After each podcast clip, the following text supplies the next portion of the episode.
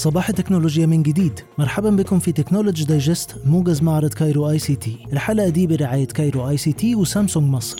Technology Digest ملخص بكل ما تم وما تتوقع حدوثه اليوم في معرض القاهرة الدولي للتكنولوجيا والاتصالات ومعرض النقل الذكي. شركة بنيا تقترض 481 مليون جنيه من بنك مصر بفايدة 8% لتمويل مصنع كابلات الألياف الضوئية في المنطقة الاقتصادية بالسويس أورنج تستهدف استثمار 5 مليار جنيه في مصر في 2022 ورصد كامل لخريطة استثمارات الشركة في graph العدد. صرح كريم سوس رئيس قطاع التجزئة المصرفية في البنك الأهلي المصري خلال جلسة البنوك الرقمية بحجم التداولات أونلاين عبر خدمة الأهلي نت واللي بلغ 568 مليار جنيه. كشف تقرير صادر من جهاز تنظيم الاتصالات عن زيادة 150% في الاستهلاك الشهري للبيانات عبر المحمول. ضيف حلقة اليوم أحمد رفقي رئيس شركة رايا لخدمات مراكز الاتصالات. نيرة عيد رئيس التحرير Technology News اتكلمت معاه عن الخطة التوسعية للشركة خلال العام المقبل. خلينا الأول نبدأ مع حضرتك بالتغير اللي حصل في الاستراتيجي بتاع تقديم الخدمة. يعني بس ما بقاش الموضوع call center بقى فيه كمان الحلول الرقمية وال AI وكده. أنتوا إيه الخطوات اللي بتاخدوها داخليا علشان تتيحوا الخدمات دي؟ وازاي بتأهلوا الشباب اللي عندكم البنيه التحتيه والبنيه التكنولوجيه بتاعتنا من ناحية ال tools أو الأدوات اللي إحنا بنستخدمها ال systems اللي إحنا بنستخدمها. دي كان برامج كتيرة جدا بنعملها بقالنا ونص.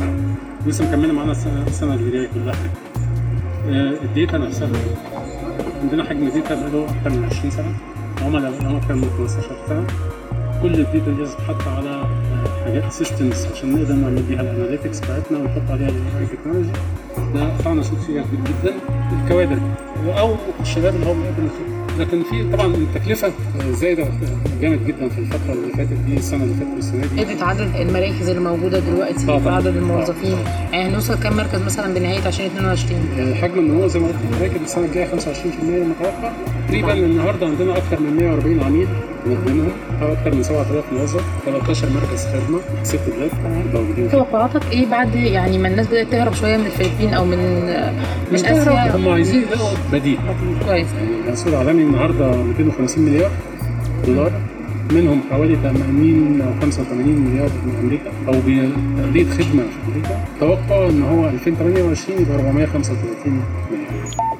محمد الصبان رئيس قطاع الابتكار في شركة مصر كابيتال قال إن عدد البنوك الرقمية بلغ 330 بنك حول العالم مقارنة ببنك واحد في عام 2010 وأخيرا إبراهيم سرحان رئيس مجلس إدارة مجموعة e-finance للاستثمارات المالية والرقمية أوضح ترقب استثمارات في قطاعات البنية التحتية والسياحة والنقل بعد طرح أسهم المجموعة في البورصة المصرية. اسمعوا Technology Digest على ابل وجوجل وانغامي وكل منصات البودكاست. كمان تابعونا في الإذاعة الداخلية لمعرض Cairo ICT والمزيد من الأخبار الحصرية والمتابعة اللحظية ل Cairo ICT زوروا موقعنا Technology dot news